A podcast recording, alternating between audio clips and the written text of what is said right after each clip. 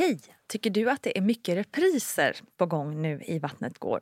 Ja, jag förstår det. Det beror helt enkelt på att jag, Nina Campioni, just nu har en pop-up second hand i Modgallerian i Stockholm. Så min tid räcker helt enkelt inte tid att göra så många avsnitt som jag hade önskat. Men tills jag är tillbaka på full tid, kom gärna och hälsa på mig i Modgallerian. Vi ses! Det är som att det liksom knäpper till och sen bara gör det så ont hela, hela, hela tiden. Och jag skriker på honom och säger liksom Gud, jag bara, Gud blöder jag, blöder jag? Eller det, så här, vad, vad händer? Ja men hallå där och välkommen till ett nytt avsnitt av Gravidpodden Vattnet går. Din podd om, ja, graviditet, det säger sig själv, men också om förlossningar, kvinnokroppen och känslorna som omger allt liv och allt som påverkar oss helt enkelt. Jag heter Nina Campioni och är så ödmjukt tacksam över alla er som vecka in och ut lyssnar på den här podden. Tack ska ni ha. Tänk att ni ger mig möjlighet att kunna fortsätta att driva podden och att skapa nya spännande avsnitt för er att lyssna på. Och förhoppningsvis också stötta er igenom era graviditeter och föräldraskap och ja, livet helt enkelt. Man måste ju såklart inte vara gravid för att lyssna på den här podden, inte. Alla är såklart välkomna. Välkommen är också såklart veckans gäst som heter Alexandra Brandin. Alexandra är mamma till fyra barn, varav ett dessvärre inte fick leva länge efter födseln. Alexandra upplever själv att hon varit med om det mesta när det gäller att bilda sin familj. IVF, missfall, snitt, ruptur och ja, allt förutom den där efterlängtade vaginala förlossningen. Alexandra driver dessutom tillsammans med en annan änglamamma en egen podd som heter Utan dig. Ett lyssningstips till dig som kanske hamnat i samma situation som Alexandra. Med oss i podden har vi också vår alldeles egna expert barnmorskan Gudrun Abascal. Välkommen nu Alexandra Brandin. Okej, Alexandra. Eh... Life is full of what ifs. Some awesome, like what if AI could fold your laundry? And some, well, less awesome, like what if you have unexpected medical costs? United Healthcare can help get you covered with Health Protector Guard fixed indemnity insurance plans they supplement your primary plan to help you manage out of pocket costs. No deductibles, no enrollment periods, and especially no more what ifs. Visit uh1.com to find the Health Protector Guard plan for you. Hey, I'm Ryan Reynolds. Recently, I asked Mint Mobile's legal team if big wireless companies are allowed to raise prices due to inflation. They said yes. And then when I asked if raising prices technically violates those onerous two year contracts, they said, What the f are you talking about, you insane Hollywood ass? So to recap, we're cutting the price of Mint Unlimited from $30 a month to just $15 a month. Give it a try at mintmobile.com slash switch. $45 up front for three months plus taxes and fees. Promoting for new customers for limited time. Unlimited more than 40 gigabytes per month. Slows. Full terms at mintmobile.com. Hey, it's Danny Pellegrino from Everything Iconic. Ready to upgrade your style game without blowing your budget? Check out Quince. They've got all the good stuff, shirts and polos, activewear, and fine leather goods – all at 50 to 80% less than other high-end brands. And the best part? They're all about safe, ethical, and responsible manufacturing. Get that luxury vibe without the luxury price tag. Hit up quince.com slash upgrade for free shipping and 365-day returns on your next order. That's quince.com slash upgrade. Hiring for your small business? If you're not looking for professionals on LinkedIn, you're looking in the wrong place. That's like looking for your car keys in a fish tank. LinkedIn helps you hire professionals you can't find anywhere else, even those who aren't actively searching for a new job but might be open to the perfect role. In a given month, over 70% of LinkedIn users don't even visit other leading job sites. So start looking in the right place. With LinkedIn, you can hire professionals like a professional. Post your free job on linkedin.com slash people today. Um, när jag läste ditt mejl här, för du, du skickade ju faktiskt mejl till vattnetgar.com. Ja. Det kan man göra om man känner att man har en berättelse man vill dela med sig av. Exakt. Så uh, kände jag bara wow, uh, här har vi en person som har varit med om mycket. Uh, och jag blir också lite ställd för nu, i, vanliga fall så har jag liksom en ganska mm. klar väg. Att här, här börjar mm. vi och sen fortsätter vi. Men här känner jag lite så här, herregud, i vilken ände ska vi börja? Uh, vi kan väl börja med att, uh, att bara prata om, om hur du såg på liksom hela det här livet som är graviditet, förlossning, att bli förälder och sådär. Eh, Innan du kom dit så att säga. Eh, jag har så länge jag kan minnas velat bli mamma. Eh, och när jag var liten så pratade jag mycket med min mormor om att jag skulle ha fyra barn. Eh, en här fram och en på sidan, Mm. en här bak i ryggen och en på andra sidan. Eh, Så det började jättetidigt. Eh, och sen så, redan när jag var sex år gammal så var jag väldigt rädd för att inte kunna bli mamma. Det var en jättestor eh, stor rädsla för mig. Men jag har alltid älskat barn och liksom det är där jag alltid har hamnat när vi har varit med andra som har haft barn. Och jag blev stora syster när jag var sju, så det var ganska sent. Ehm, och hon var ju liksom mitt allt. Hon var ju min bebis. Mamma fick inte ens ta hand Mamma fick inte ens ta hand om henne. så att, eh, Ja. ja, eh, det var väldigt, eh, väldigt speciellt. Jag har alltid som sagt älskat barn. Eh, och sen så när jag blev 16 så träffade jag min man. Vi- Wow, redan som 16-åring. Mm. Coolt. Ja. ja. Eh, han eh, gick i min parallellklass och vi har egentligen gått på samma dagis och bott grannar. Och det är ett så här jätte, jättespeciell historia det Ja. med. Eh, men så i nian eh, så blev vi tillsammans. Mm. Eh, och eh, ja, vi var tillsammans ganska länge innan vi liksom började lyfta det här locket med att försöka börja skaffa barn. Och jag ville ha utbildning först. Ja, ehm, alltså jag har alltid sagt att jag vill ha barn och det har han vetat om. Ja. Men Ja. eh, vi har väl haft det här att man ska göra saker i situationstecken rätt ordning. Rätt ordning, just det. Exakt. Mm. Eh, men jag ville inte gifta mig för tidigt. Men jag visste att jag ville bli mamma tidigt. Så Mm. att, eh, Okej. mitt mål var att bli mamma tidigare än vad min mamma blev mamma första gången. Okej, när var det då? Och hon, När blev hon mamma Hon var gången? 27. Okej. Hon var 27. Ja. Så att, eh, det tyckte jag var gammalt, vilket jag inte tycker Ja. idag. Ja. Men då, när jag var liten. eh, Exakt, våra så- föräldrar var ju så gamla, det är konstigt. Och vi är så himla unga, Precis. det är väldigt konstigt hur det blir. Ja, ja verkligen. När jag precis blivit 30 och så bara, gud, hur kunde jag tycka att hon var gammal när hon var 27? Men det tyckte jag. Ja, exakt. Eh, ja. eh, nej, men så då, eh, jag pluggade på universitetet och sen så var det liksom, nu ska jag hitta ett heltidsjobb, typ.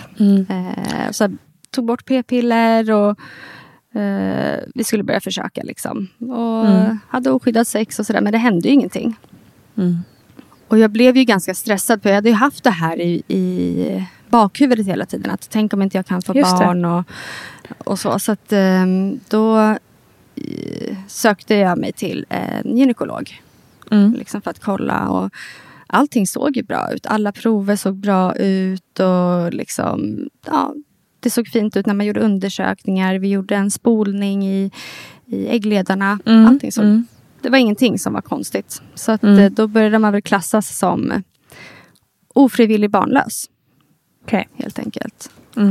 Hur var dina känslor och tankebanor när du fick veta att, det, att du var ofrivilligt barnlös?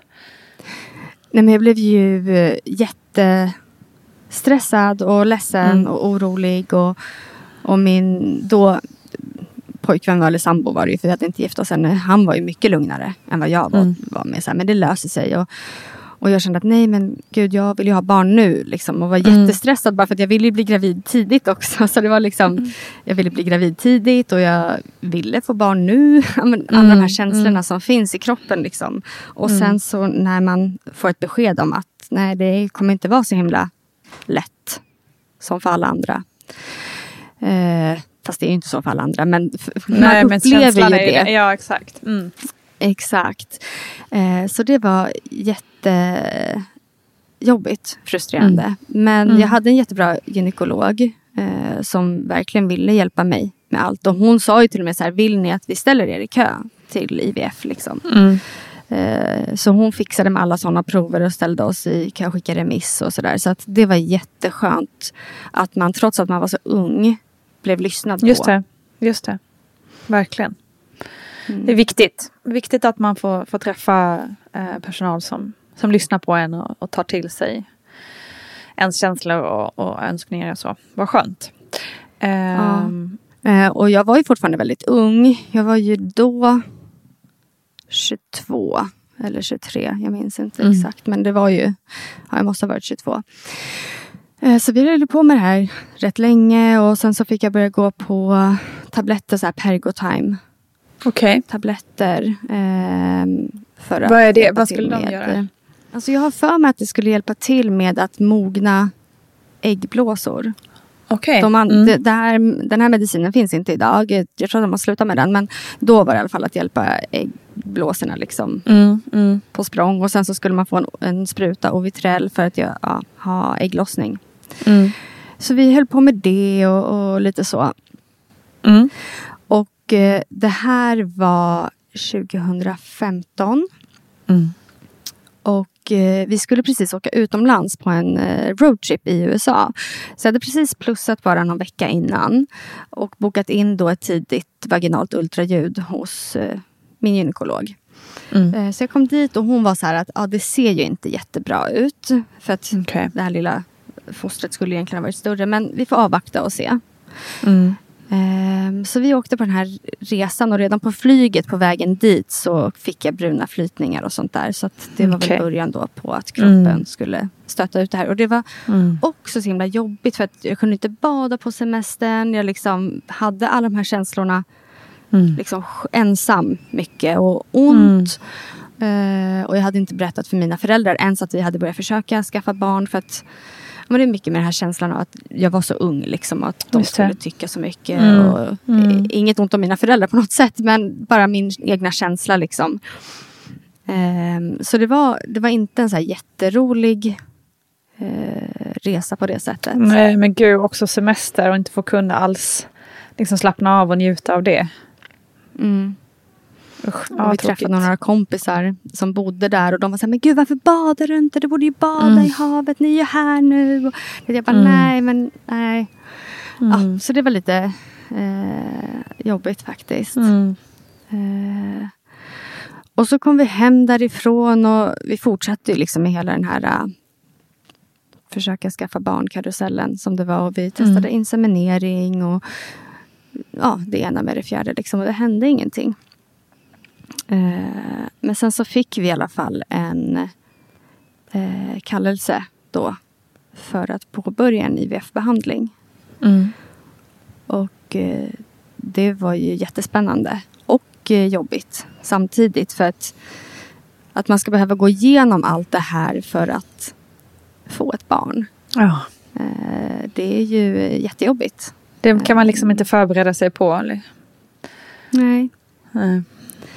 Och mina föräldrar har haft lätt att bli gravida. Alltså mamma och Mm. pappa. Det tog tre Mm. månader för dem och sen så Mm. väntade de mig och samma sak med min syster. Så att, eh, det var svårt att liksom kunna prata med någon om det. Och jag har inte Mm. varit tidigare öppen kring liksom det här. För att det kändes så jobbigt och nästan lite tabu att man fortfarande var så ung. Liksom 22 år Mm. skulle... Då hade jag blivit 23, skulle nästan fylla 24. Men att påbörja en IVF-behandling liksom. Mm. Nej, då har man kanske inte så himla många kompisar i sin liksom, krets som, som känner igen sig i en, ens viljan kanske att bli gravid är ju också inte så vanligt kanske i den åldern. Och, och sen då dessutom det här lagret på. Eh, kanske inte så många man kan dela det med då, eller? eller?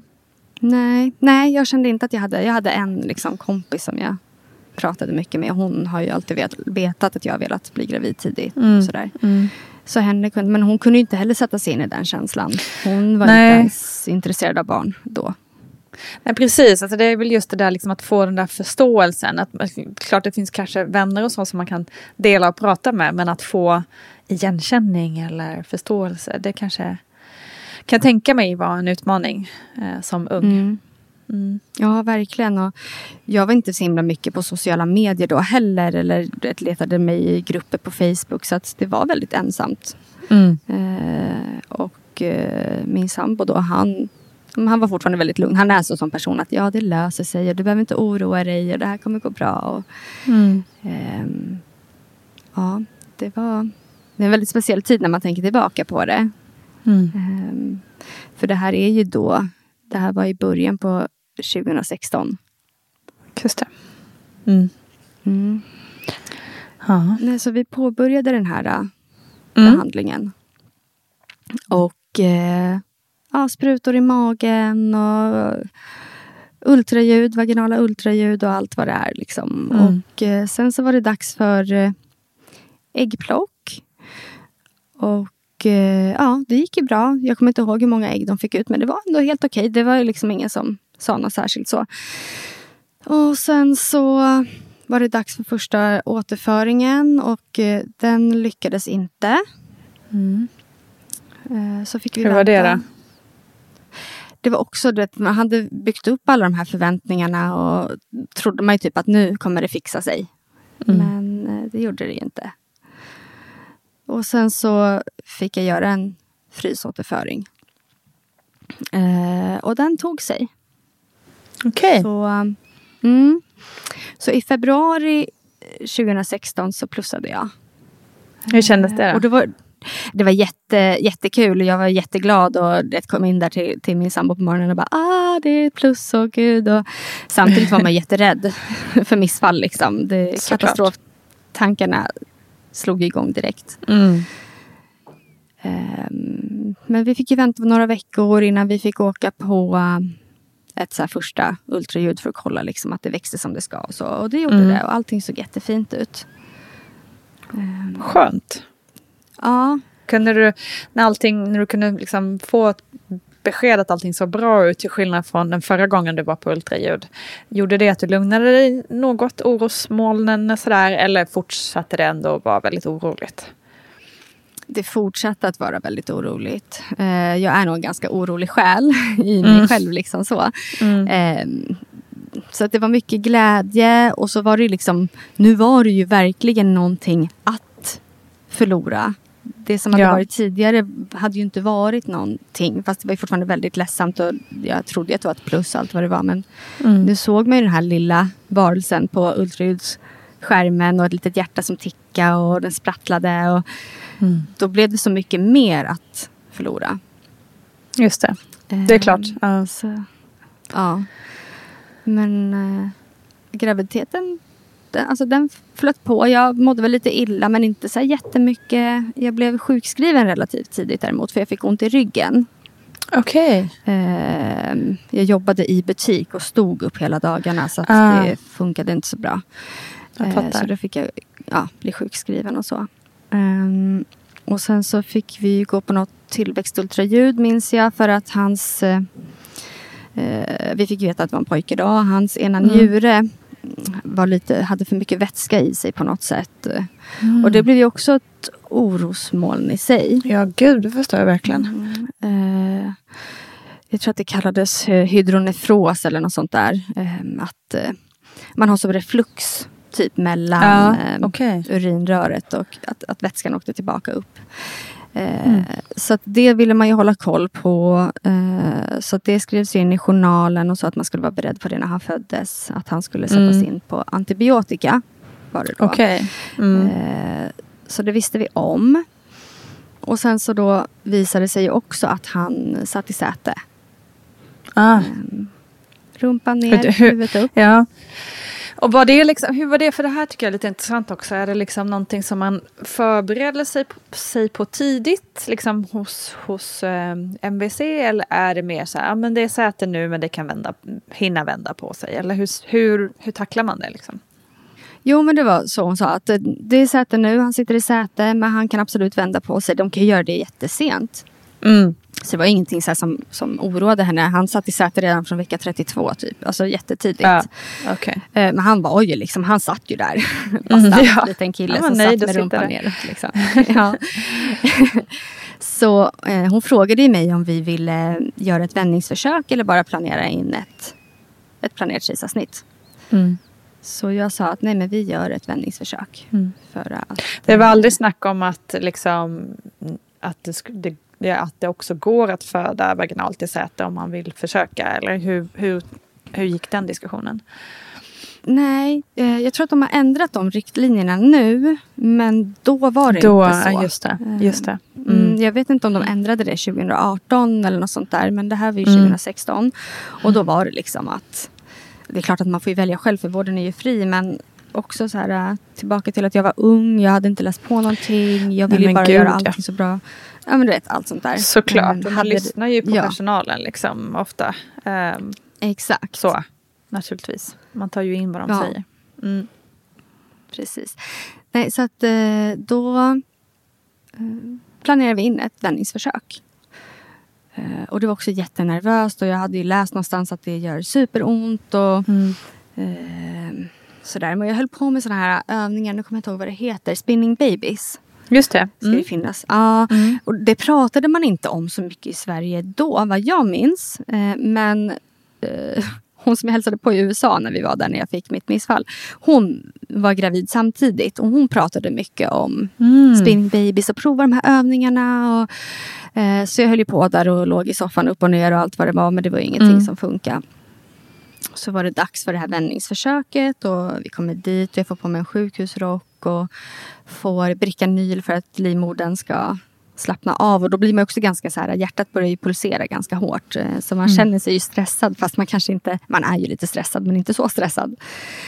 Eh, och de började hålla på där och de höll på och ryckte och drog och det, eh, nej men det gick inte och de fick kalla in någon annan läkare och de var två läkare som hängde på min mage och försökte dra. Och, och hans huvud flyttades liksom en decimeter åt sidan och sen så fort de släppte så åkte han tillbaka. Mm. Så att eh, ja, de, de gav ju upp. Och var det smärtsamt också?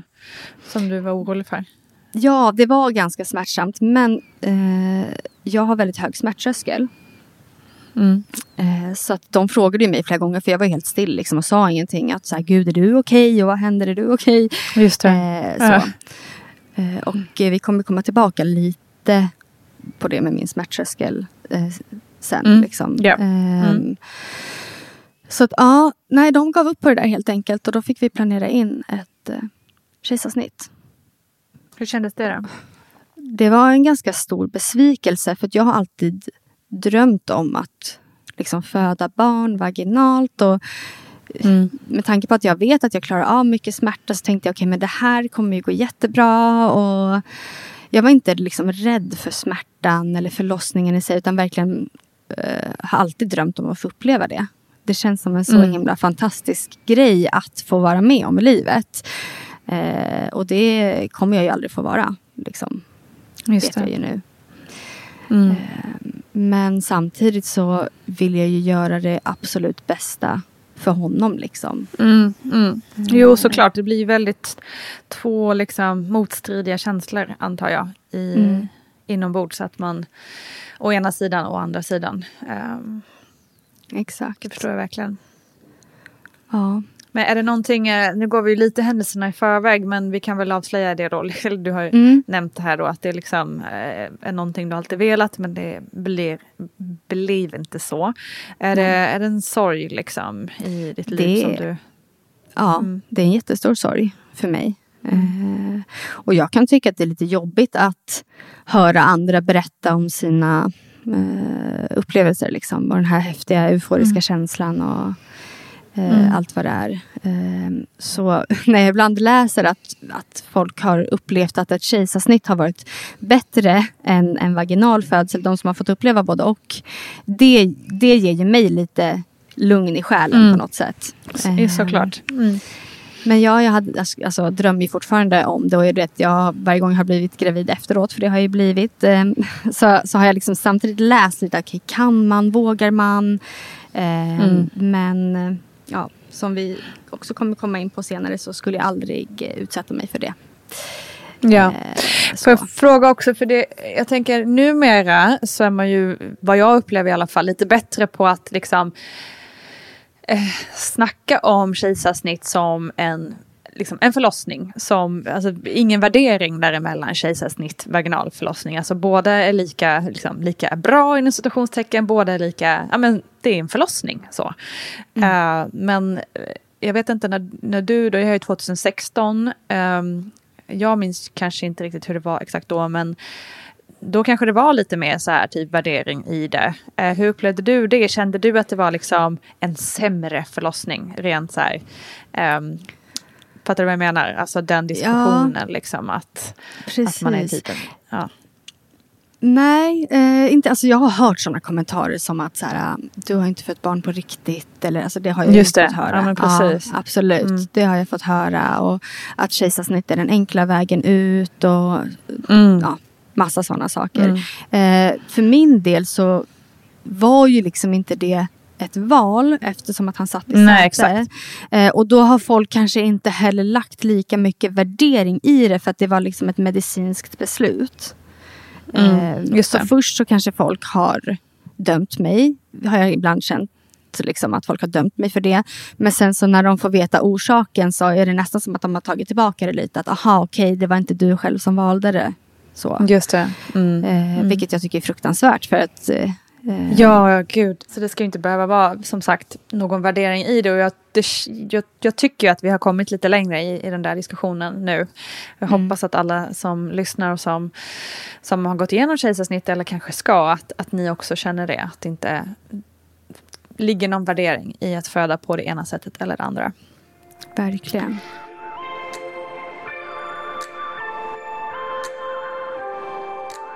Hur kändes det då när det var dags, när, liksom, när det började närma sig dagen? Ja, det var ju jättespännande. Eh, snittet var satt till 26 oktober. Och eh, jag vet att min barnmorska nämnde att det var liksom fullt på den här planerade listan. De har ju en lista med planerade kejsarsnitt. Ja. Och att vi skulle Ja. gå dit på morgonen eh, och vi skulle hamna under akutteamet. Eh, så att Mm, när de fick okej. tid så skulle de snitta mig. Mm, Så hon sa bara, gå dit på morgonen, Mm. ta med dig den här äh, kallelsen. Eh, så kommer de ta emot dig. Så jag gick dit eh, då typ sju på morgonen. Eh, jättespänd, nervös. Vi hade med oss vår lilla BB-väska och liksom alla grejer redo. Fick komma in eh, på förlossningsmottagningen. Och blev inledda i ett sånt här litet mottagningsrum där, där eh, ja, eh, folk som ska föda eh, hamnar. så, eh, och där fick vi vänta. Det var ingen som visste att vi skulle komma. Så det var jättekonstigt. Nähä. Eh, Ja, ja, det var det kändes, ja, och jag visade min lapp och de var såhär, nej men gud det här vet inte vi om. Ah, ja, men du får sitta här liksom. Och sen, jag hade ju fastat sen 12 dagen, ja, natten innan. Så där satt Oj. jag. Eh, och vänta och vänta. De kom in ibland, tog några CTG och ja, inget mer. Liksom att ja, men det är väl din tur snart. Men nu fick de ett akutfall och så. Eh, så 22 på kvällen kommer de in och säger nej, det kommer inte bli någonting idag. Nej, du skojar. Så jag hade ju fastat Åh, liksom från herregud. 00. Eh, hade fastat i 22 timmar. Och, och, eh, Åh, herregud. Ja. Eh, och Sam då, eh, min sambo, han fick ju det. De bjöd på Karins lasagne och han satt och åt det. Och det, jag bara kände så här, jag fick dropp i alla fall. Ehm, och så sa de så här, nej men det blir ingenting idag, vill ni åka hem? Och jag sa så här, nej jag kommer inte åka hem. Eh, jag vill inte åka hem. Och vi hade skaffat hundvakt för vi hade hundar. Och, eh, nej, jag sa att jag kommer bli kvar här. Det står i journalen, mamman är jättearg, hon kommer stanna kvar, vill inte åka hem. typ så. Bra. Ja. Good for you. Så ja, då fick jag vara kvar där, fick äta lite mat då, fram till 00 igen och så sa de imorgon blir det bebis. Mm. Istället. Så jag fick ju ligga där, jag kunde inte sova, man var ju jättenervös och eh, hörde eh, andra kvinnor som eh, låg där i de här mottagningsrummen och skrek och vet, var, alltså, ja, Mm. hade en aktiv förlossning. Inte aktiv kanske, för då flyttas man kanske någon annanstans. Men de här mottagningsrummen liksom hade jätteont. Och, Just det. Mm. Ehm, så vi var där då. eh, På natten och sen så har jag för mig att det var klockan nio på morgonen så sa de nu är det dags. Oh, wow. Eh, ja, så då var det så här, åh, och då gick det jättefort och in med kateter och eh, ja, massa infarter och, och så rullades vi in där Mm. eh, i operationssalen. Och eh, ja, det var ju också supernervöst och läskigt liksom att man vet att man ska få den här ryggmärgsbedövningen och Just det. Mm. kommer tappa känseln i benen. Och, ja, men eh, så var det ju dags. Eh, och så kom han. Vår lilla bebis. Eh, skrikande. Hur var det? Det var, ja, det var helt underbart. Och den här äh, lilla bebisen som vi hade väntat på. Eh, och så, innan vi rullades in på operation så var, fanns det en tavla i det här mottagningsrummet med en bebis som hade ganska mycket hår. Så vi pratade väldigt mycket om den här lilla bebisen och var så här, undrar hur våran bebis kommer se ut och hoppas han, Ja. Han har hår liksom och sånt. För att eh, min man är syrian och vi båda hade ganska mycket hår när vi föddes. Så att eh, Okej. Eh, ja, vi pratade om den här lilla bebisen som skulle komma och han hade hår kan jag säga. han han eh, hade en, eh, en tjock matta på huvudet och ända ner på axlarna. Alltså han var så Oh, hårig. wow. Ja. Vad roligt. ja, det var, det var magiskt Då verkligen. visste ni att det var ert barn. Ja, det gjorde vi. Ja, vad härligt. Mm. Hur upplevde du liksom själva situationen? Så här, liksom? ja, men, det, är, alltså, det är ju ändå liksom en operationssal och, och sådär. Men var det... kun- kände du trygghet i rummet? Liksom? Ja, det gjorde jag. Absolut. Mm. Ehm, jag har försökt alltid när jag liksom är på sjukhus och sånt att berätta om mina känslor. För att det känns som att om jag berättar hur jag känner, säger jag att jag är nervös, jag tycker att det här är läskigt, så bemöts jag liksom på ett sätt där de förstår vad jag känner och eh, försöker lugna mig i det. Så bra. Mm, så det är verkligen ett tips som jag vill säga till alla. Att var öppen med dina känslor. För att eh, folk är ju inga tankeläsare liksom. Sjukt bra. Det tror jag ganska många inte tänker på. Att man måste liksom... För man väntar på att läkare eller vad det nu kan... i- Oavsett situation liksom ska förklara läget och så ska man bara lyssna typ. Mm. Eh, men det är ju tvåvägskommunikation. Det är ju jätte, jättebra tips. Verkligen. Mm. Ja, så har jag gjort liksom, när jag ska ta blodprov eller vad som helst. Att jag säger så här, men gud jag är lite Ja, nervös. Liksom. ja. Ja, exakt. Precis. I alla lägen liksom. Mm. Så bra tips. Jättebra. Men hur var det sen då? Hur var det liksom och ja, men Du har ju drömt om det här att bli mamma eh, Ja. så länge. Hur var Det- känslan? Det var verkligen typ allt jag någonsin drömt om. Och det kändes ju bara så rätt. Liksom. Ehm, Mm. det, ja, jag var inte... Alltså jag var ju rädd för att förlora honom. Men jag var liksom inte rädd för att ta mig an mammarollen. Utan det föll sig väldigt naturligt. Coolt. Mm. Var det någonting som var utmanande tyckte du? Liksom extra? Det var ju lite om det här med hans njurar. Som eh, Just det. jag var Mm. lite eh, orolig för. Och sen så hade han ju suttit i säte. Så att eh, han hade lite eh, höftluxation. Lös Mm. höft. Så att han fick Mm. eh, faktiskt, eh, inte en von Rosenskena, en sån som sitter på jämt. Men han fick frejkabyxor kallas det för.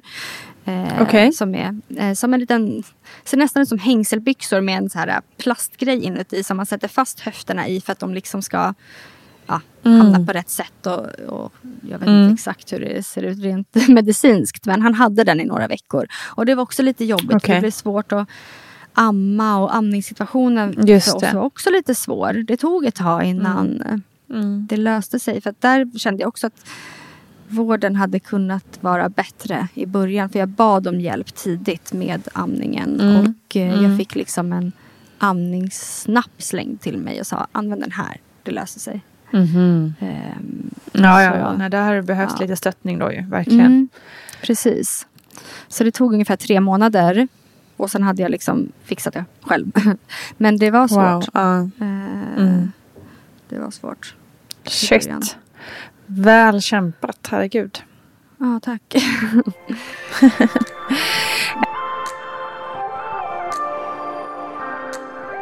När började du känna att det var läge att äh, skaffa syskon? Det kände jag ju ganska tidigt. Eh, jag ammade då tills han var ungefär sju månader. Och eh, jag tror att... Eh, ja, sen sa jag att nu... Nu när jag slutat amma då vill jag ha ett syskon. typ. Men jag hade ju fått instruktionerna om att vänta med att bli gravid minst ett år. Okej. Och, eh, För att? Eftersom att jag hade gjort ett kejsarsnitt. Ah, ja, ja, okej. Eh, Så då sa de det till mig. Eh, och Mm. eh, jag tänkte att ja, det kommer inte vara något problem med tanke på att det tog nästan två och ett halvt år eh, sist. Mm. Så att det här var ju absolut Mm. ingenting som jag tog liksom för givet att vi skulle kunna få syskon eller någonting. Eh, men i juli när min mens kom tillbaka så eh, sa vi att nu testar vi. Liksom. Och eh, tre månader senare, lite mer, tre och en halv månad senare så plussade jag. Utan IVF? Mm. Wow! Mm, det, ja, det, Det är var så helt sjukt. sjukt. Det var helt sjukt. Eh, Man fattar och, ingenting liksom. Nej, nej, och rätt, jag bara tittar på den här stickan och bara, ah, vad är det här liksom? Mm. Eh, och eh, ja, nej, det var, det var precis, vi hade precis gift oss i oktober, i början på oktober och jag plussade typ en månad efter. Så att det Sjukt. kändes jättefint. Mm. Ja. Och eh, den graviditeten, Ja, vilken grej. ja, Ehm, den graviditeten gick jättefort. Inga Mm. konstigheter. Eh, vi fick veta att det var en lilla syster i magen. Eh, hon skulle komma i juli. Ja. 25 juli var hon beräknad. Eh, Mm. Och jag fick frågan om jag ville prova föda vaginalt. För att Mm. hon låg med huvudet neråt. Mm. Och det ville jag göra. Eftersom att jag alltid har drömt om att få uppleva det. Just det. Men så i vecka, jag hade ju inte, jag hade inte fött vaginalt innan. Och hade aldrig upplevt verkar, ingenting. Men i vecka 38 plus 4 så började jag få lite kraftigare eh, sammandragningar. Verkar. Jag tyckte att det gjorde ganska ont. Mm. Mm. Eh, Så vi åkte in till sjukhuset. Och eh, där sa de att nej, det är kraftiga sammandragningar. Eh, det är inga riktiga verkar. Åk hem igen. Mm. Eh, så vi åker hem igen. Och eh, jag har fort, fortsatt ont liksom. Eh, jag ringer dem någon gång och säger så här, ja ah, men jag har fortfarande ont och, och det känns liksom som att jag eh, nästan spricker ner mot urinröret. Mm. Och deras svar bara, nej men ta Alvedon, lägg dig och vila, ta ett bad. Ja. Så liksom vid varje sammandragning så gjorde det väldigt, väldigt ont och det kändes nästan som att mitt urinrör sprack varje gång jag fick en sån Shit vad obehagligt. Det ja, det var jätteobehagligt. Men jag hade ju aldrig upplevt verkar innan så jag visste ju inte vad som var Nej, rätt och vad som var fel och så vidare.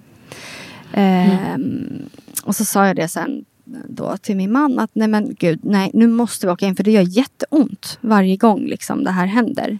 Mm. Och precis då skulle jag bara gå upp i soffan, då blir den här smärtan konstant. Det är som Okej. att det liksom knäpper till och sen bara gör det så ont hela, hela, hela tiden. Och jag skriker på honom och säger liksom Gud, jag bara, Gud blöder jag, blöder jag? Eller du vet, så här, vad, vad händer? Det var inget blod, ingenting. Eh, men jag sa till honom, Mm. du måste ringa ambulansen. Du måste ringa Mm. ambulansen nu. Ehm, så han ringer ambulansen och de kommer till oss. Vi bor ganska nära Huddinge sjukhus. Mm. Så de är väldigt snabba liksom till oss. Och problemet är bara att på gatan håller de på och lägger om en massa rör så att vi Alltså de måste lägga tillbaka så här stora stålplattor på våran uppfart. och Gud. jag har ju gått ut i alla fall. ehm, ja, inifrån det ganska lång trappa ut till vägen. Och jag står där liksom och trampar och väntar på ambulansen. Och så kommer de och så bara du vet, fort in. Och jag kände bara ge mig någonting mot den här smärtan. Ehm, jag Mm. kräks av smärtan. Eh, Och jag har spyfobi. Men jag kräks Mm. av den här smärtan och det, det, det, är, det är katastrof. Ehm, och vi kommer in fort på, på akuten. De har inte kunnat ge mig någonting för att de sa att vi, eftersom du är gravid så vågar vi inte ge dig någonting. Liksom. Du måste Mm. hålla ut lite till. Liksom. Och de sätter CTG och de har svårt att hitta puls. Och, eh, de drar in något, eh, någon ultraljudsmaskin och då hittar den här läkaren en svag puls och säger så här, vet du vad, nu kommer jag trycka på en knapp och det kommer gå väldigt fort. Det kommer tändas lampor och det kommer komma in en massa folk. Jag vill bara varna dig för det. Mm. Eh, och sen så dras jag fort in på eh, operation. Eh, de sätter en mask på mitt ansikte och säger att eh, du kommer somna. Och jag sa så här, jag kan inte andas i den här. Men de sa, han trycker fast den jättehårt på mig. Sa, nu måste du göra det här. Så jag slocknar ju. Ehm, och de opererar mig. Så det blir ett, ett, ett så här urakut kejsarsnitt. Jag vet inte vad de kallar det direkt. Men Mm. Mm. Eh, jag vaknar senare och ehm, det första jag frågar är, blev det en tjej? Mm. Eh, och det, för jag var lite så här, gud, för det kändes verkligen inte som att det var en flicka, men det var det. Och eh, det var ingen egentligen som sa någonting mer till mig och jag förstod ju inte hur lång tid det hade gått. Eh, jag tror att jag vaknade vid nästan två på natten och det här var ju vid 22. Så att jag hade varit borta ganska länge. Jag hade ingen tidsuppfattning och förstod ingenting. Och de sa att Nej, men vi kommer köra upp dig till neonatalavdelningen. Eh, för din dotter är där. Eh, och de kör upp mig i den här sängen. Och jag tror att jag är så himla mycket chock för jag förstår liksom inte. Men då berättar de att man har satt in henne på vad som kallas för en kylbehandling. Där man kyler ner kroppen till 35,5 grad i 72 timmar för att försöka eh, läka hjärnan eller göra så att hjärnan inte tar en ännu större skada. För det visar sig nämligen att den här smärtan som jag upplevde det var att min livmoder sprack. Okej. Ehm, så vid varje sammandragning Jäklar alltså. som jag hade haft så var det att den öppnade sig lite i mitt gamla kejsarsnittsärr. Åh, så det är liksom, Gud. ja. Eh, så när den här smärtan blev konstant, det var ju då som, som ärret gick upp helt och eh, Mm. eh, bebisen hamnade i buken på mig. Åh, fy fan. Ehm, så hon har ju då fått en jättestor eh, syrebrist. Mm. Eh, vilket senare visade sig då att hon också hade fått en stor hjärnskada. Mm. Eh, så ja, eh, det var liksom väldigt mycket på en och samma gång. För att vi visste ju inte hur dålig hon var då. Eh, för det kunde man ju veta lite grann efter de här 72 timmarna när man gjorde en MR-röntgen. Jag visste inte om jag hade min livmoder kvar. Jag visste inte om jag kunde eh, få barn igen. Eh, Det var mycket som så här, vi visste ju ingenting liksom, om någonting. Mm. Och det var, jag har alltid velat ha en stor familj som sagt. Så det var ju liksom Hälften av tankarna gick ju då till våran bebis som var jättesjuk. Och vi visste inte om hon skulle överleva eller inte. Och de andra tankarna hamnade, gud hur ser min framtid ut? Eh, Jag vet ingenting om liksom vad som har hänt med min kropp. Eh, ja, det var väldigt mycket tankar på en och samma gång. Mm. Mm. Eh, var det. Gud vad tufft. Mm. Eh, men Sally då, som hon eh, fick heta, fick som sagt en jättestor hjärnskada. Och eh, hon dog av den när hon var fyra månader. Eh, vi eh, bodde först på Neo i två och en halv vecka. Och sen flyttades vi till ett barnhospice. Och var där största delen av hennes liv. Okej. Så hon man visste liksom att det, det skulle inte, hon skulle inte kunna leva länge. Ja, jag tror att de, de visste det men jag tyckte inte att de kanske berättade det så tydligt för oss. Ehm, vad jag har förstått i efterhand så har många i vården svårt att vara raka när det kommer till sådana besked. Men Fy. eh, Vidrigt. ja, vi flyttades egentligen till det här hospicet för att vi skulle lära oss hur man skötte henne. För hon behövde ha väldigt mycket hjälpmedel. Mm. Och eh, det är så svårt att förklara hur sjuk hon var. Men om vi säger så här, hon kunde knappt röra sig och hon kunde inte ens blinka. Mm. Eh, så kan man få ett litet hum om hur sjuk hon var. Mm. Eh, hon gick ju inte upp i vikt, ingenting. Hon kunde inte äta liksom. Mm. Eh, så hon var väldigt liten. Och från att liksom, hon var ju en frisk bebis. Liksom. Så att allt det här hände ju för att min livmoder sprack. Mm. Eh, och för att jag... Hade jag varit på sjukhus så hade utfallet blivit något annat. Men jag var ju Mm. hemma. Mm. Hur gick tankarna i det liksom? Med, för, eh, alltså, det är ju så mycket sorg i det här och jag tänker på sorgens alla olika stadier. Jag tänker på ilska och eh, liksom så här, sätta ansvar eller liksom skyll, få hitta någonting att skylla på. Eh, hur hur liksom hanterade du den eh, Mm. delen? Jag... Eh, ja, det är så svårt det där. För jag försöker verkligen att inte skylla på någon. Det finns ju så här, ja det är klart att man Mm. kan tänka så här, tänk om och tänk om. Men det spelar ingen roll för att hon Mm. är ändå inte Nej. här. Ehm, Nej. Men eh, ja, det är frustrerande många gånger när man tänker på, okej, okay, hade jag inte blivit hemskickad eh, så hade hon eh, med största sannolikhet levt och varit frisk. Mm.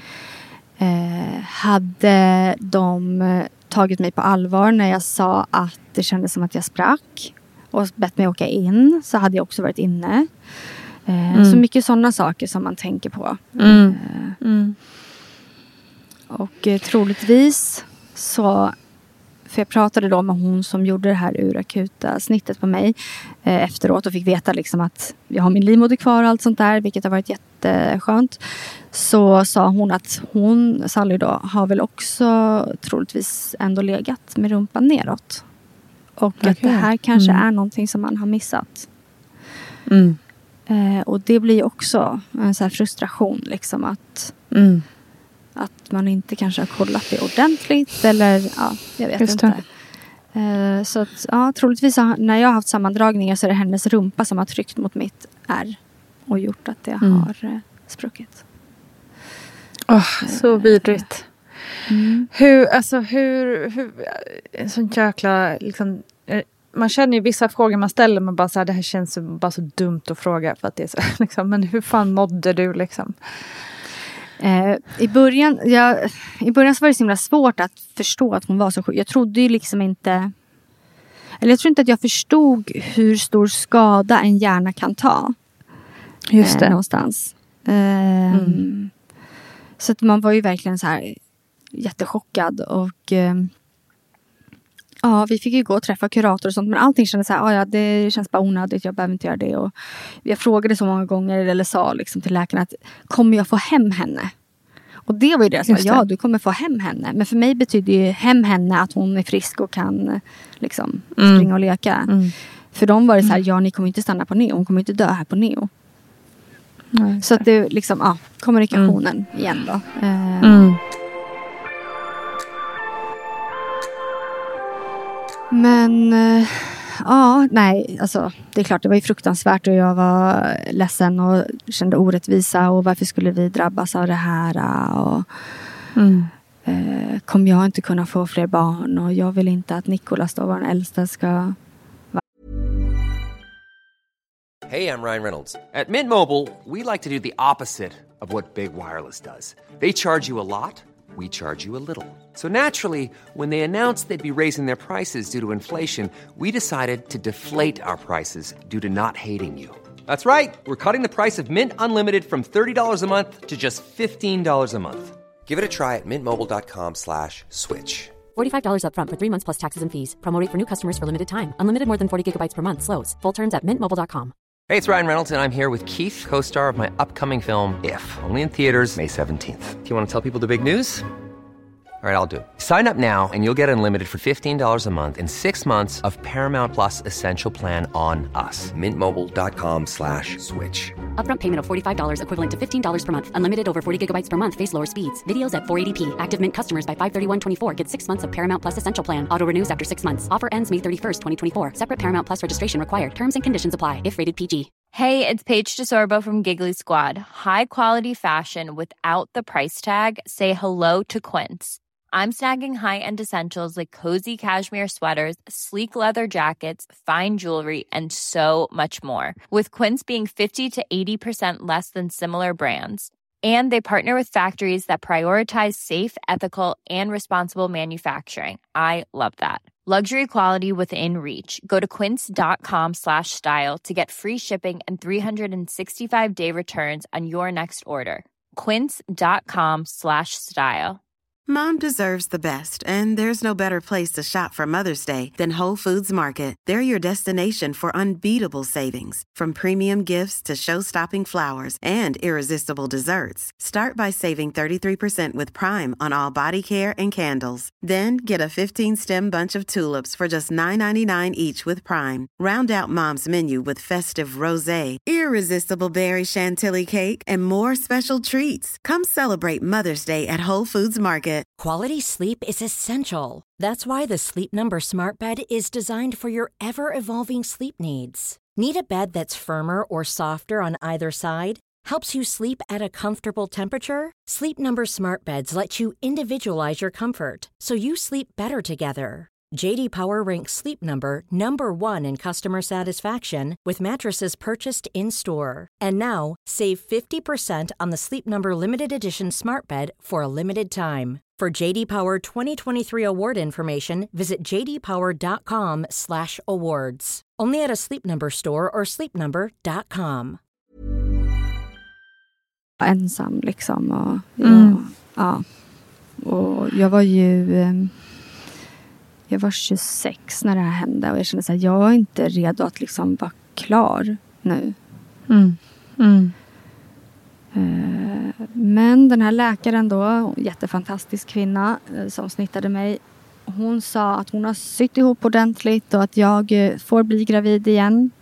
När kroppen liksom kommer igång. Så att det var ingenting att jag behövde vänta ett år eller så. Så det ville vi ju. Såklart. För bara innan vi går in på det. ehm, vad heter det? Hur var det när um, Sally till slut dog då? Det var... Då hade jag kommit väldigt långt i min process och eh, alltså i bearbetningen med allt det här. eh, Och Det är fortfarande det är jättesorgligt och jag känner ju det såklart fortfarande idag. Hon lever ju med oss hela tiden. så. Men eh, Mm. Mm. det kändes ändå okej, om man nu kan säga så utan att låta jättehemsk. Eh, men eh, jag kunde ju se hur dåligt hon mådde. Eh, Mm. Hon fick ju då eh, mat via sond i näsan och hon åt, jag tror, jag kommer inte exakt ihåg, men om det var 260 eller 300 milliliter specialersättning om dagen. Mm. Det är liksom vad en bebis äter för måltid nästan. Mm. Det åt hon på 20 timmar. Mm.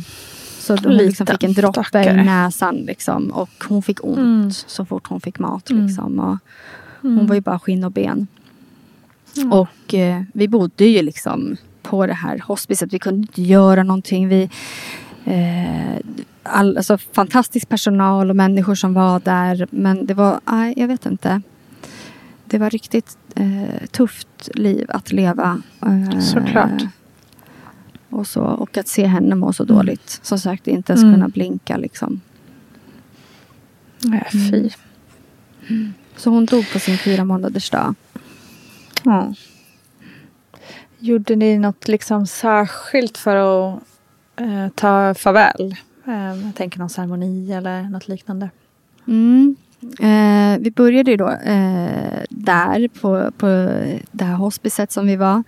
Eh, Mm. Så hade vi kistläggning. Vi la ner henne i kistan och vi hade satt på henne fina kläder och skickade med lite brev. Och hon hade en liten, eh, en liten kanin som hon hade fått av min moster, min gudmor. Eh, den fick Mm. hon med sig. Den hade hon alltid. Eh, och sådär. Så att, det var jättefint. Jättehemskt, men jättefint. Eh, och sen så hade vi begravning eh, ja, i början på december. Hon dog den 16 november. Så i början på december hade vi begravning för henne. Okej. Mm. Mm. Hur var det då? Hjälpte det i sorgen?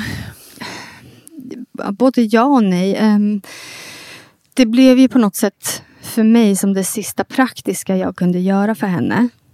Ehm, Mm. Så att jag ville ju verkligen få det fint. Jag ville att det skulle kännas som en, en eh, barnbegravning. Jag ville inte att folk skulle ha eh, svarta kläder utan det skulle vara Mm. färg och stora ballonger och mycket blommor. Och, så det var väldigt, Mm. väldigt, väldigt fint. Sen så slutade ju den, alltså begravningen också väldigt dramatiskt. Mm. För att min Okej. mormor fick en hjärnblödning Nej men gud. där. Mm. Och dog nio dagar senare. Jösses. Nej, Mm. men herregud vad fruktansvärt. Mm. Så det var mycket 2018. Ja, herregud. Mm. Eh, och samtidigt då så redan i september, för då fick jag tillbaka min mens, så hade vi ändå bestämt oss att försöka få till syskon. Mm. Så att vi höll ju på med det också samtidigt. Sally levde ju fortfarande då. Eh, men så dog hon ju eh, i november. Så att vi höll ju på med den processen också. Mm. Samtidigt. Mycket på en gång. Mm. Så här, när man är i sån chock så kan man ju typ göra så konstiga saker.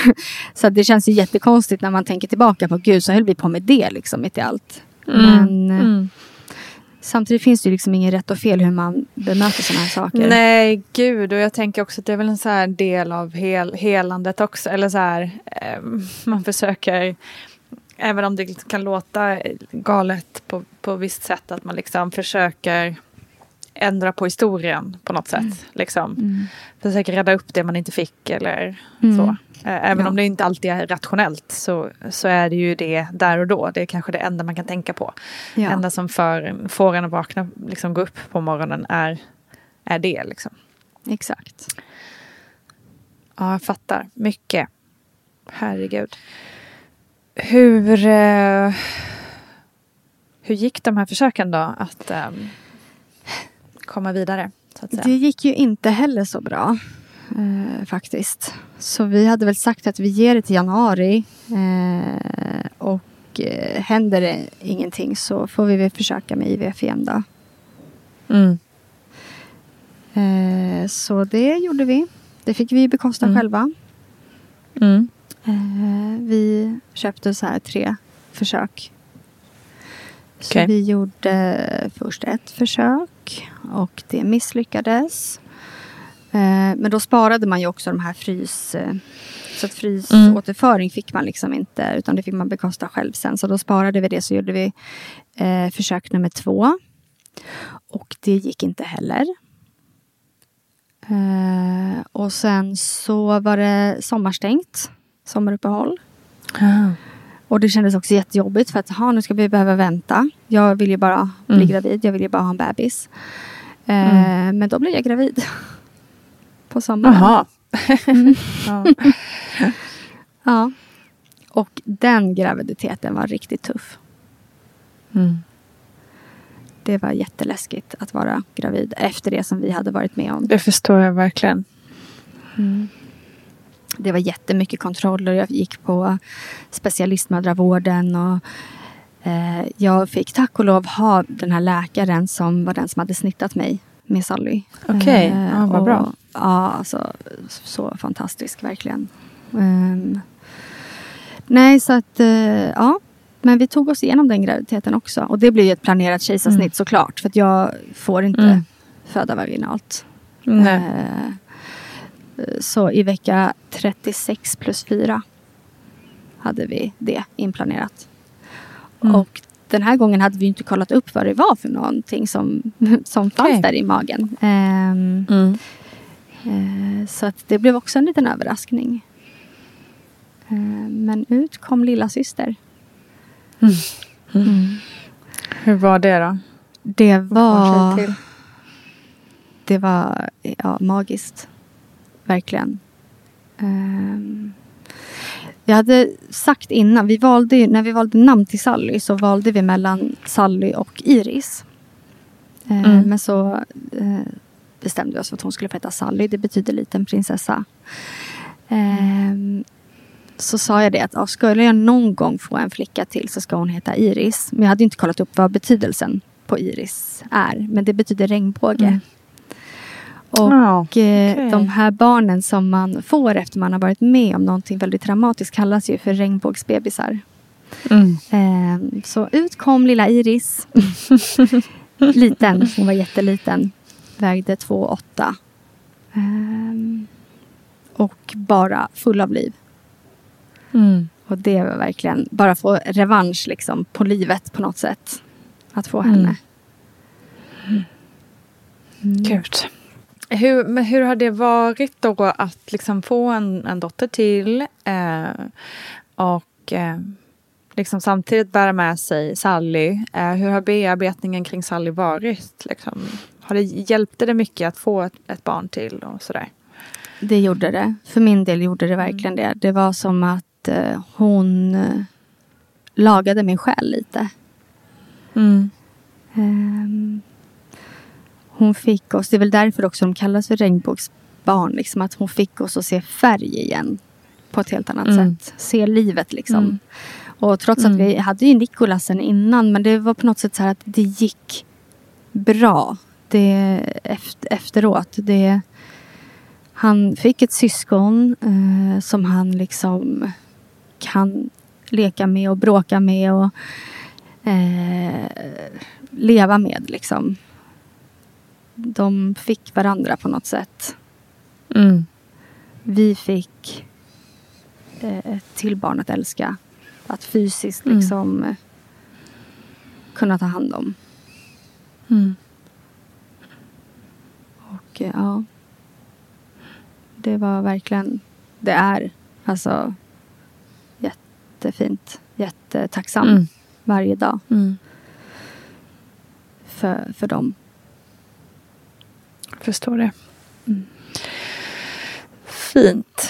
Ehm, hur annars, jag tänker också här liksom bearbetningen kring Sally. Har du eh, liksom tagit hjälp kring något med det? Yttre Eh, hjälp tänker jag. Ja, jag gick... Det kändes så här. jag- Vi fick ju hjälp där stöd eh, på det här barnhospicet som vi var. Eh, jag fick Mm. träffa en kurator och de anordnar fortfarande träffar och sånt. Man får träffa andra föräldrar och, och så. Och jag gick på något som heter så här, eh, heter det? depressions och ångestmottagningen. Men de tyckte liksom inte att jag riktigt platsade in där. Och vårdcentralen ville skicka mig till en kurator som sitter på BVC. Och dit ville ju inte jag gå. Liksom, Nej, det. Eh, det här var innan eh, jag blev gravid med, med Iris. Ehm, Mm. Men sen så har jag hittat mycket stöd i att eh, hitta gemenskap med andra som har varit med om liknande upplevelser, förlorat barn. Mm, just det. Eh, men jag och en annan mamma på det här barnhospicet startade en podcast eh, där vi gästas av personer som har... Eh, Mm. de flesta har förlorat barn. Eh, Mm. Och eh, ja, det, det arbetet har vi hållit på med nu i tre år. Försöker lyfta andras historier. Det är ju, alltså förlåt, men det är ju den bästa bearbetningen egentligen. Att prata, Ja. prata, öppna upp, eh, låta allt komma ut. Ehm, det är så helande. Så att, jättebra gjort tycker jag. Ehm, Tack. Du får gärna nämna vad, vad den heter också så att man lätt kan Ja. hitta den. Eh, podden heter Utan dig och eh, den finns där poddar finns. Eh, Mm. Så ja, det har varit en jättestor hjälp i, i min bearbetning. Eh, att, Mm. att få prata om, om det som jag varit med om, att eh, dela erfarenheter med andra och att eh, Sallys namn nämns och att hon blir ihågkommen. Just det. För det är ju det. mycket därför vi gör det också. För att Mm, våra mm. barn ska bli ihågkomna. Vi gör ju det för dem.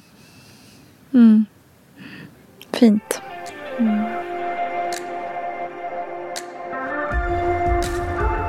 Vi tar ett andetag och sen eh, går vi in på att du vill ju ha en stor familj.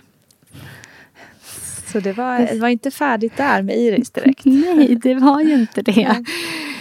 Eh, ja, jag ville ha en eh, stor familj. Mm. Så när på Sallys eh, födelsedag, hennes tredje födelsedag, så plussade jag igen. Eh, Och även det utan IVF-hjälp. Även det utan IVF. Däremot så, alltså det var ju inte planerat, det var planerat fast ändå inte riktigt planerat. Men jag hade gått eh, igen hos en gynekolog för att jag hade haft konstiga mellanblödningar. Okej. Och eh, då så sa han helt plötsligt, trots att jag har gjort massa undersökningar och allt, att jag har en variant av PCO. Mm, okej. Och eh, han sa så här, ha, eh, typ, har du svårt att gå ner i vikt och har du eh, tunt hår? Jag vet inte hur han kunde se det på, eller han kunde ju se det på mig att jag hade tunt hår så men ja, han bara, jag tror att du har, har eh, en variant på PCO. Och sen så när han gjorde det här ultraljudet och så, så kunde han se det på något sätt. Och då frågade han om vi hade haft svårt att bli gravida tidigare. Och då sa jag, ja det har vi haft Mm. liksom. Eh, och då sa han att, ja men testa något kosttillskott eh, som innehåller inositol. Mhm. För det ska Okej. tydligen vara bra. Och då, det är jättemycket forskning på det i USA. Men man har inte gjort så mycket det här. Men han hade specialiserat sig på det. Mhm. Så han sa bara att, ja han sa så här, men testa det här kosttillskottet. Och så gjorde jag det så blev jag gravid. Vad sa du att det hette? Det här är nog många intresserade av. Ja, Vad heter eh, ja, kosttillskottet? Vad- ja Dona Ferti heter det. Kan Dona Ferti. Jag kan skriva det Spännande. till dig om du vill sen. Men ja, Dona Ferti det innehåller inositol. Som ska vara, jag Okej. kommer inte ihåg exakt hur han förklarade det för mig. Men eh, det ska göra att de här eh, cellväggarna på något sätt öppnas upp lättare. Och då är det lättare för spermierna att tränga in och jag vet inte, något sånt. Eh, Så intressant. Jätteintressant. Och jag tog ju då, det är pulverpåse man blandar i vatten och dricker liksom ett glas. Så Mm. det är ett kosttillskott, det är ingen medicin eller något sånt. Så jag tog det och så Wow. blev jag gravid med en gång. eh, faktiskt. Och då sa jag det till, till eh, Sam, då, min man, att gud jag tog de här påsarna den där sommaren jag blev gravid med Iris. Mm. Ja. Och så började jag tänka tillbaka på ehm, när jag blev gravid med Sally. Och då hade jag köpt sånt här kosttillskott i USA för att min kompis som bodde där typ sa men testa det här. Typ. Och Aha. det hade jag tagit den månaden jag blev gravid med henne. Är Så det jag har sant? alltså, ja! Så jag har liksom varje sjukt. gång... Jag, ja, det, det är helt galet. Och jag säger absolut inte att det är en, en lösning på någons problem. Men nu vill jag ju nästan prova att bli gravid igen bara för att se om jag blir det tack vare den här påsen igen. Eller om det liksom Just det. verkligen var en slump. Ja. Eh, ja. Eh, så det kan ju vara värt att testa om det är någon som, som har svårt. Liksom. Alltså otroligt. Ja. Ja, det har Ja. första gången vi har hört talas om det. Coolt. Mm. Eh, Jättecoolt. Som sagt, vi ska väl förvarna om att det inte är en lösning som funkar för alla naturligtvis. Men fan, whatever works works liksom. Exakt. Nej, det var verkligen så här när jag fick liksom, gud. För jag hade såna där påsar från USA då kvar. Så jag var ju tvungen att springa upp och kolla innehållet i dem. Och de innehöll inositol. Det var ju samma innehåll som de här Dona Ferti-påsarna. Just det, som han nämnde. Ja. Exakt. Ehm, och det var då typ polletten trillade ner lite. Men som sagt, det kan vara slump också. Så jag ville verkligen inte säga bu eller bä. Men för mig har, har jag blivit gravid när jag har tagit det. Så. Ja. Utan att jag har vetat om Så det. coolt. Mm. Eh, Otroligt. Ja. Men eh, ja, sen kom ju då lillebror i februari i år. Också med planerat snitt. Så att jag har gjort fyra Mm. snitt nu. Mm. Och eh, jag fick frågan eh, på den här graviditeten om jag ville sterilisera mig. Vilket också var Okej. jättesnopet. För att hon sa det liksom från Ja. ingenstans, mitt första besök. Just det. Ska du inte sterilisera dig? Eh, och det slog jättehårt på mig. Eh, Mm. För då hade jag inte ens fyllt 30 och jag kände liksom, jag är inte där. Mm. Jag känner mig fortfarande inte klar med barn. eh, sen Mm. är det inte säkert att, att vi kommer skaffa fler. Men jag vill att det beslutet ska vara mitt. Och min mans Just det. såklart. Mm. Men hon sa det då utifrån att man rekommenderar inte att man gör fler kejsarsnitt helt enkelt. Ja. Mm, precis.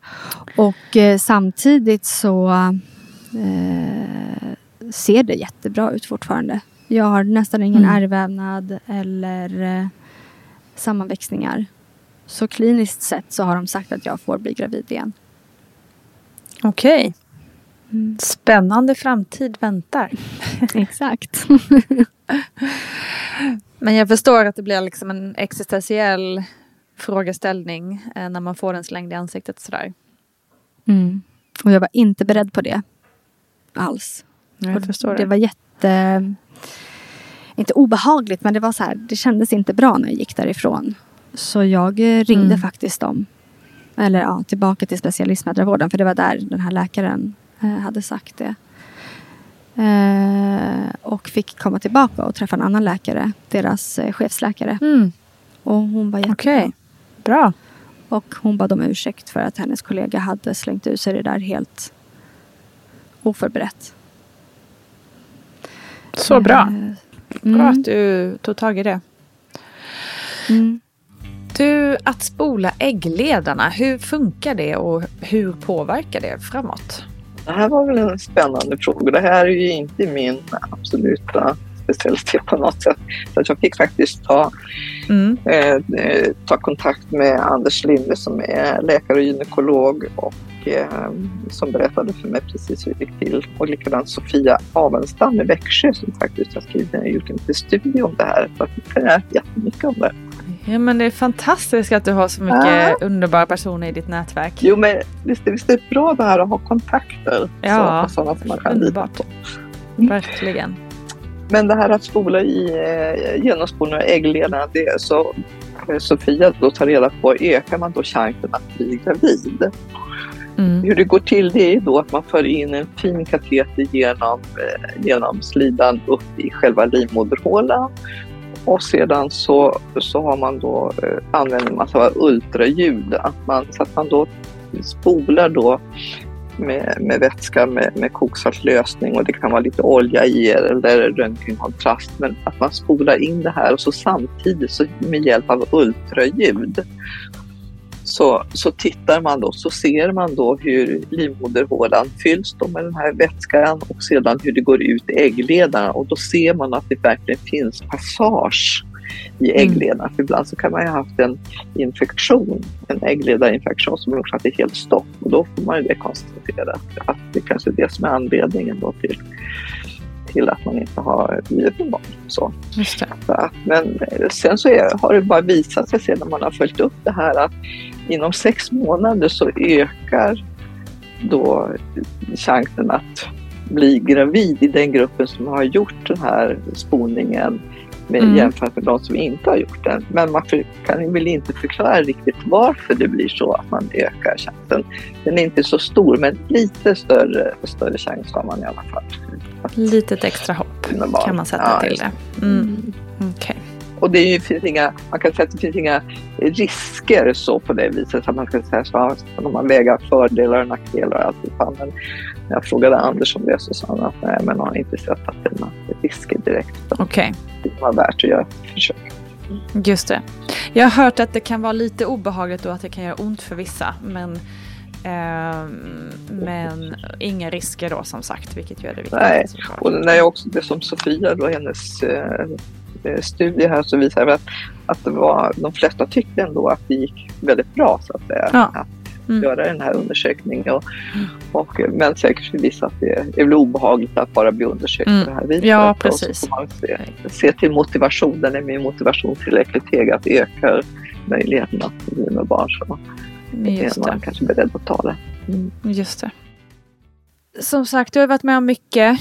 Um, det är svårt att sammanfatta liksom allt i ett litet avslutande eh, liksom, sammanfattning helt enkelt. Mm. Hur, men om man ska liksom komma fram till någon form av eh, om du skickar med lyssnarna någonting, eh, någon mm. lärdom du har gjort genom alla de här turerna? Oj, vad svårt. Eh, men det är väl att eh, inte ge upp.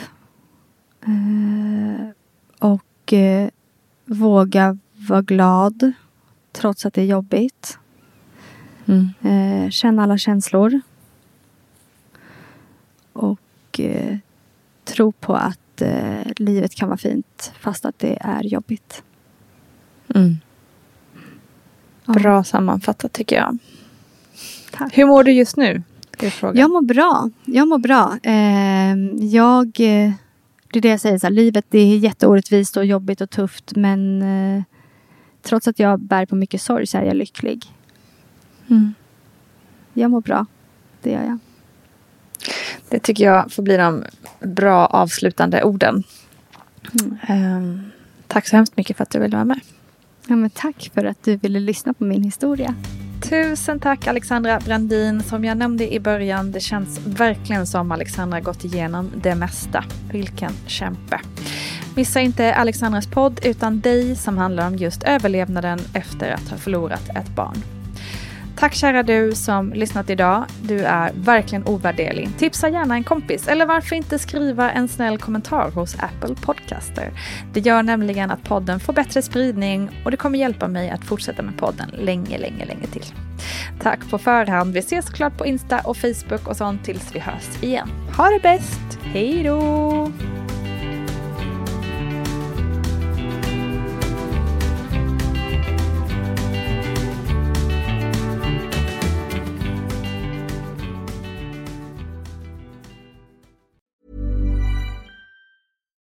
Hi, I'm Daniel, founder of Pretty Litter. Cats and cat owners deserve better than any old fashioned litter. That's why I teamed up with scientists and veterinarians to create Pretty Litter. Its innovative crystal formula has superior odor control and weighs up to 80% less than clay litter. Pretty Litter even monitors health by changing colors to help detect early signs of potential illness. It's the world's smartest kitty litter. Go to prettylitter.com and use code ACAST for 20% off your first order and a free cat toy. Terms and conditions apply. See site for details. Even when we're on a budget, we still deserve nice things. Quince is a place to scoop up stunning high end goods for 50 to 80% less than similar brands. They have buttery soft cashmere sweaters starting at $50, luxurious Italian leather bags, and so much more. Plus, Quince only works with factories that use safe, ethical, and responsible manufacturing. Get the high-end goods you'll love without the high price tag with Quince. Go to quince.com slash style for free shipping and 365-day returns. Hold up. What was that? Boring. No flavor. That was as bad as those leftovers you ate all week. Kiki Palmer here, and it's time to say hello to something fresh and guilt-free. Hello Fresh. Jazz up dinner with pecan-crusted chicken or garlic butter shrimp scampi. Now that's music to my mouth. Hello Fresh. Let's get this dinner party started. Discover all the delicious possibilities at hellofresh.com. Hi, I'm Daniel, founder of Pretty Litter. Cats and cat owners deserve better than any old fashioned litter. That's why I teamed up with scientists and veterinarians to create Pretty Litter. Its innovative crystal formula has superior odor control and weighs up to 80% less than clay litter. Pretty Litter even monitors health by changing colors to help detect early signs of potential illness. It's the world's smartest kitty litter. Go to prettylitter.com and use code ACAST for 20% off your first order and a free cat toy. Terms and conditions apply. See site for details.